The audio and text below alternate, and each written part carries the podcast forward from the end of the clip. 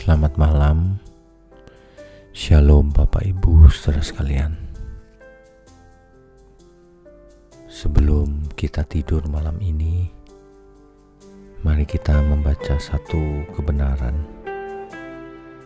dari kitab Roma, pasalnya yang pertama, ayatnya yang ke-16.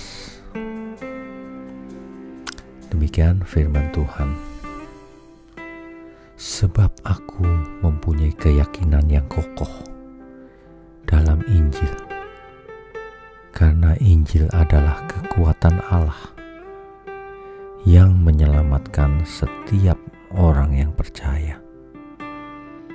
Pertama-tama orang Yahudi, tetapi juga orang Yunani, dan tentu saja bagi semua orang yang percaya. Bapak, ibu, saudara sekalian, Injil dicatat di sini sebagai kekuatan Allah yang menyelamatkan. Itulah sebabnya, jika seseorang tidak mengerti Injil, tidak mengerti konteks besar daripada Injil, maka sebenarnya ia belum selamat. Dalam hal ini, banyak sekali orang yang sudah Kristen tetapi belum selamat karena belum mengerti Injil.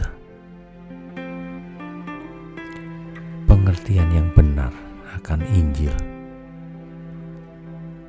akan berdampak dalam hidup setiap orang yang percaya. Akan terjadi perubahan pola pikir, perubahan akal hidup, akal budi maksud saya. Seseorang akan berubah cara hidupnya jika ia mengerti Injil yang benar. Oleh sebab itu, belajar Injil atau firman Tuhan adalah yang terpenting dalam hidup ini. Agar kita semua mengerti kebenaran dan hidup di dalam kebenaran itu. Agar pola pikir mindset kita, akal budi kita seturut kebenaran Injil itu. Rasul Paulus menekankan hal ini agar semua jemaat Tuhan tidak hanya mengaku di mulut percaya, tetapi juga mengerti Injil dan hidup sesuai firman kebenaran itu. Demikian firman Tuhan malam ini. Hendaknya ini menyadarkan kita semua.